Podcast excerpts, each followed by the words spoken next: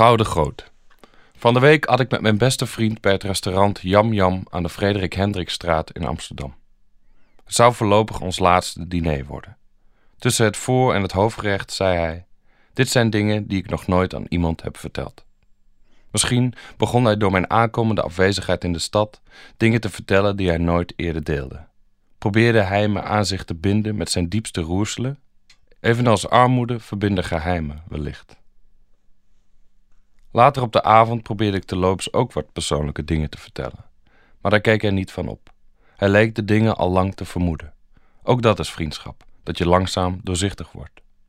Over een boek had hij aan het begin van de avond gezegd: Alles wat erin stond, wist ik al. Ik was misschien zo'n boek. Na het eten liepen we naar onze fietsen. Met een rotgang kwam er verkeer langs. We belanden in de goot en moesten wachten om in te voegen. Het was herfst en het verkeer had de bladeren naar de berm geschoven. Het kleurde goudgeel rondom onze voeten. Mijn vriend vroeg: Met wie moet ik straks praten als jij er niet meer bent? Al jouw vrienden gaan dood of weg, zei ik. Wat erger is, weet ik niet. Hij knikte, het was waar, en zei: Jij leeft tenminste nog. Kijkend naar het verkeer voegde hij eraan toe: Maar het kan altijd en ieder moment misgaan. Als je pech hebt, word je onthoofd door een scooter op dit fietspad. Ik lachte en dacht: soms moet je met beide benen in de goot staan. We hadden die avond geluk. Deze goot was van goud.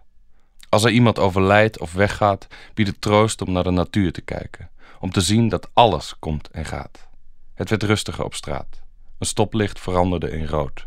We voegden in en fietsten weg.